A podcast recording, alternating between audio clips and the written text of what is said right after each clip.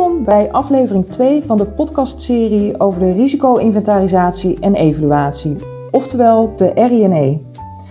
In deze tweede aflevering gaan we in op een actueel onderwerp, namelijk de coronamaatregelen en de RINE. Mijn naam is Eveline Jansen en ik ga hierover in gesprek met Jan Harmen Quantus, juridisch adviseur bij het steunpunt RINE. Welkom Jan Harmen. Goedemorgen Evelien. Goedemorgen. Ehm, corona, het is een uh, nieuw fenomeen waar eigenlijk nog niemand echt expert in is, maar waar we wel ontzettend veel mee te maken hebben. En ook op het werk. Uh, we zien dat bedrijven maatregelen nemen en er worden coronaprotocollen opgezet. Maar er is ook een relatie met de RINE. Kan jij daar meer over vertellen? Zeker. Um, je zou natuurlijk kunnen zeggen dat eigenlijk die coronaprotocollen geen juridische basis hebben. Het zijn eigenlijk uh, afspraken tussen branches of sectoren. Uh, en die maken ze voor hun, leden of andere organisaties in de branche. Het zijn eigenlijk geen, is eigenlijk geen wettelijke grondslag voor zo'n protocol. En daardoor kan de inspectie SW die protocollen ook niet uh, controleren of handhaven. Um, de RI daarentegen is natuurlijk iets voor de veiligheid en gezondheid van uh, werknemers. En je zou kunnen zeggen, corona is natuurlijk ook gewoon een arbeidsrisico. En dat moet je dan ook meenemen uh, in je RINE, want het vormt uh, toch een bedreiging voor de gezondheid van de medewerkers op het werk. En staat er in de arbowetgeving ook echt iets over de blootstelling aan virussen, zoals COVID-19? Um, als je heel erg op de keper beschouwt, dan staat er niets over COVID-19 als zodanig in de arbowetgeving, maar er staat wel wat over biologische agentia. Daar staan eigenlijk hele concrete voorschriften voor die mensen die echt dagelijks werken met biologische agentia. Wat zijn biologische agentia? Virussen, schimmels, uh, bacteriën, dat soort zaken. En dan moet je dus echt denken aan mensen die uh, zeg maar in een laboratorium werken en dagelijks uh, daarmee aan de gang zijn. Daarvoor is een vrij streng regime afgesproken in uh, de arbowetgeving. Maar ja, okay. dat is dan weer niet van toepassing op de COVID-19 situaties zoals we die nu kennen. want dan gaat het eigenlijk om de onbewuste blootstelling aan die virussen. En als bedrijf moet je dan toch ervoor zorgen dat die gezondheidsrisico's zo beperkt mogelijk blijven, het liefst voorkomen worden. En dat mensen dus niet ziek worden als gevolg van blootstelling aan dat virus. En, en wat heb je aan de RINE bij de aanpak van het coronavirus? Net zoals alle andere risico's van bijvoorbeeld valgevaar of beeldschermwerk en ga zo maar door. Die moet je ook in de RI opnemen. Dat geldt dus ook voor dit COVID-19 virus. En als je dat dan doet, ja, dan ben je eigenlijk dus bezig om op een gestructureerde en systematische manier te kijken van waar doen die coronarisico's zich voor in je organisatie. En welke concrete maatregelen moet je dan nemen om uh, de risico's te voorkomen of zoveel mogelijk te beperken. In die zin is COVID-19 niets anders dan elk ander risico. En je zegt dus eigenlijk dat uh, de risico's op besmetting en uh, verspreiding van het virus, dat je die aan moet pakken in je RNA. Maar zeg je daar dan eigenlijk ook mee dat we helemaal niets hebben aan die coronaprotocollen? Nee, dat, dat, dat, dat is het niet hoor. Want die coronaprotocollen die zijn natuurlijk door die brancheorganisaties gemaakt. En die hebben natuurlijk voor hun branche goed al in kaart gebracht waar uh, de meeste risico's zich voordoen. En wat voor mogelijke maatregelen je zou moeten nemen.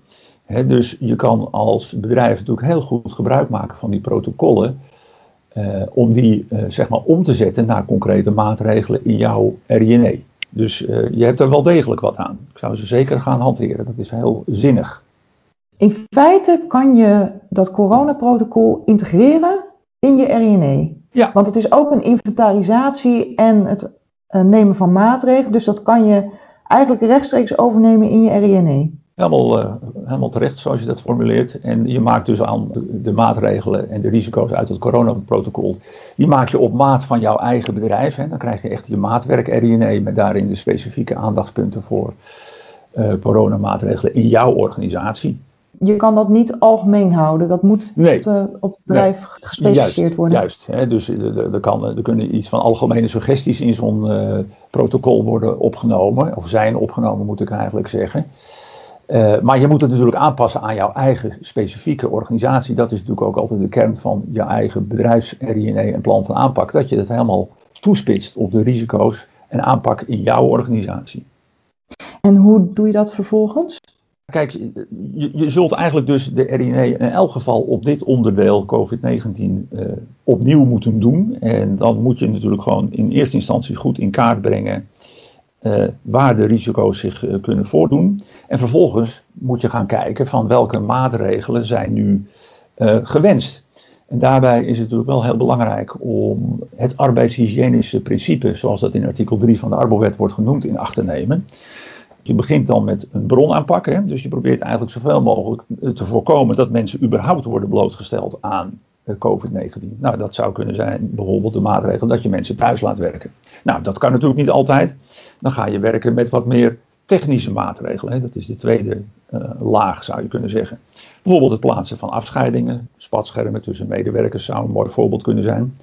Nou, lukt dat ook niet, dan kan je bijvoorbeeld denken van hoe kunnen we organisatorische maatregelen nemen? Dat mensen veel meer gespreid gaan werken, bijvoorbeeld via een bepaalde shift of zo.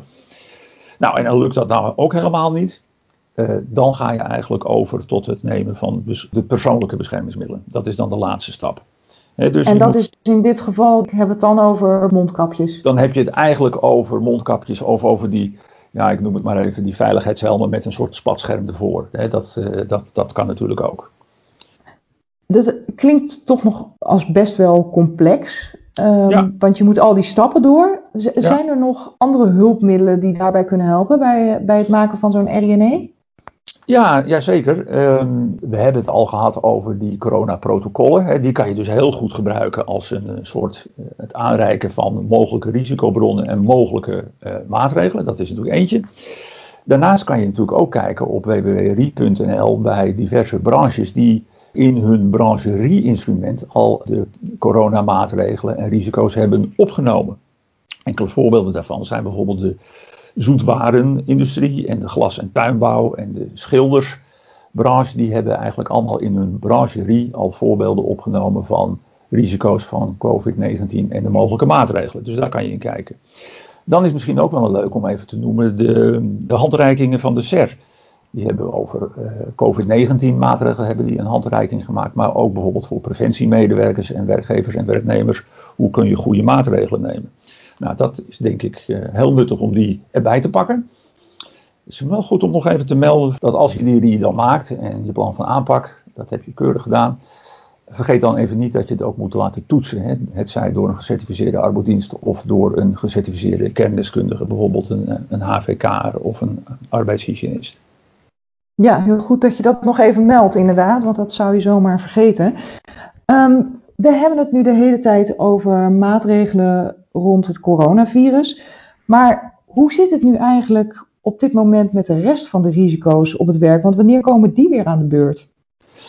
Ja, nou ja, kijk, eigenlijk is natuurlijk de gedachte van de arbowetgeving dat je dit, dat je de RINE en het plan van aanpak regelmatig update. En door corona word je natuurlijk nu weer eens gedwongen om dat allemaal goed te bekijken. Um, het lijkt er misschien op dat uh, er nu geen tijd is voor de andere risico's, maar je zou het eigenlijk ook uh, kunnen omdraaien van, nou ja, is nu de kans om je RINE weer eens even helemaal op te frissen en uh, aan te passen. En daarin kan je natuurlijk ook meteen een aantal andere knelpunten meenemen die je misschien hebt laten liggen de afgelopen periode. Dus je, kan natuurlijk eh, nadenken over welke COVID-19 maatregelen je nu moet nemen. Dat is heel terecht. Maar je zou ook kunnen denken van nou, als ik nu toch bezig ben, dan kan ik misschien bepaalde zaken combineren. Hè? Dus als je het hebt over een, een, een, een, een spatscherm die je wil aanbrengen, dan kan je het misschien ook zodanig doen dat je, nou, dan kan ik misschien mijn personeel beter beschermen tegen agressie en geweld. Of als je de werkplek toch moet aanpassen, ga je dan meteen kijken om de werkplek veel beter ergonomisch in te richten. Hè? Dat je veel meer ruimte hebt, dat je goed kijkt naar je werkhouding van de medewerkers. Dus je pakt dat eigenlijk tegelijkertijd op. Uh, je kan ook denken over de, de, scheidingswanden die je misschien gaat aanbrengen tussen je personeelsleden of tussen bepaalde afdelingen. Nou, zou dat misschien ook een bijdrage kunnen leveren aan een stukje geluidsreductie. Zo kun je op een aantal punten dingen tegelijkertijd meepakken. Dus daarmee maak je juist gebruik van de situatie om andere punten ook nog weer uh, op te pakken. Exact. Dat uh, klinkt exact. Uh, als, als een uitgelezen kans. Ja, zo is het. Um, je noemde er net al eventjes het thuiswerken. En het lijkt erop dat dat een nieuwe vorm van werken is, of voor veel mensen wel een nieuwe Ja. vorm van werken is, die voorlopig nog wel even van belang gaat blijven. En hoe zit het met de risico's daar? Want thuis zit je misschien aan een keukentafel met, uh, met gewoon een eetkamerstoel. Hoe zit dat? Ja, nou ja, het is goed dat je daar ook even aandacht aan besteedt. Want dat is natuurlijk wel een, een, behoorlijke trend aan het worden. Dat heel veel mensen thuis aan het werk zijn. En je geeft al een mooi voorbeeld in de zin van beeldschermwerk. Hè. Dan noemen we dat in uh, de arbowettermen fysieke belasting. Nou, dat is natuurlijk best een, een groot risico. Uh, andere risico's die daar natuurlijk ook mee samenhangen met dat thuiswerken. is bijvoorbeeld dat mensen toch veel te lang doorgaan in eenzelfde houding. Maar dat ze dus ook te lijden hebben onder werkdruk. Of dat ze de arbeidstijden die eigenlijk gelden een beetje aan zich laten voorbijgaan. Waardoor ja, er makkelijk een overbelasting kan ontstaan. En in een vervelend geval heb je dan te maken met, uh, met ziekte en dus uitval. Nou, dat moeten we natuurlijk zien te voorkomen.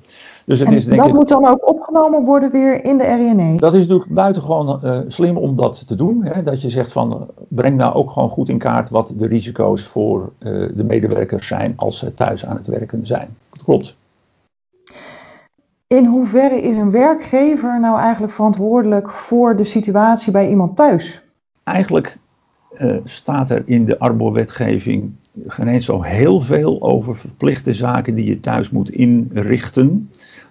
En ik zal de luisteraar natuurlijk ook niet veel lastigvallen met, uh, met wetteksten. Maar het is denk ik toch goed om als organisatie, als werkgever, werknemer, eens te kijken in hoofdstuk 5 van de Arbo-regeling. Want daar staan een aantal hele concrete voorschriften die je als thuiswerknemer en dus ook als thuiswerkgever acht moet nemen. Waar het gaat om de inrichting van de thuiswerkplek. En dan is het natuurlijk niet zo dat je iedereen van tevoren al een ideale werkplek met een ideale stoel en een ideale tafel moet geven. Dus je moet goed gaan overleggen met je medewerkers van wie beschikt er over adequaat, een adequate tafel of een adequate stoel.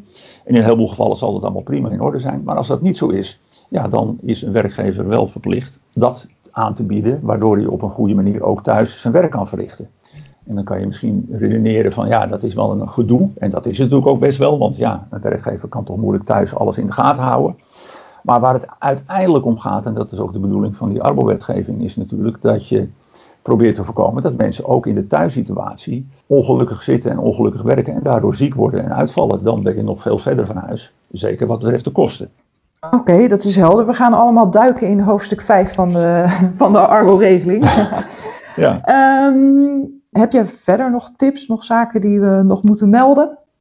Het is natuurlijk belangrijk om hier veel te overleggen met bijvoorbeeld de ondernemingsraad, de preventiemedewerker en de arbodienst. Dus betrek als organisatie gewoon veel mensen erbij, dat je daar een beetje een goede samenhang in aanbrengt, dat niet iedereen zijn eigen weg gaat. Dus overleg veel. En als je dan eenmaal dat goed op de rit hebt staan, dan is het natuurlijk belangrijk om ook richting de mensen die bijvoorbeeld thuis werken, een stukje goede voorlichting en onderricht te geven, of te communiceren, beter gezegd.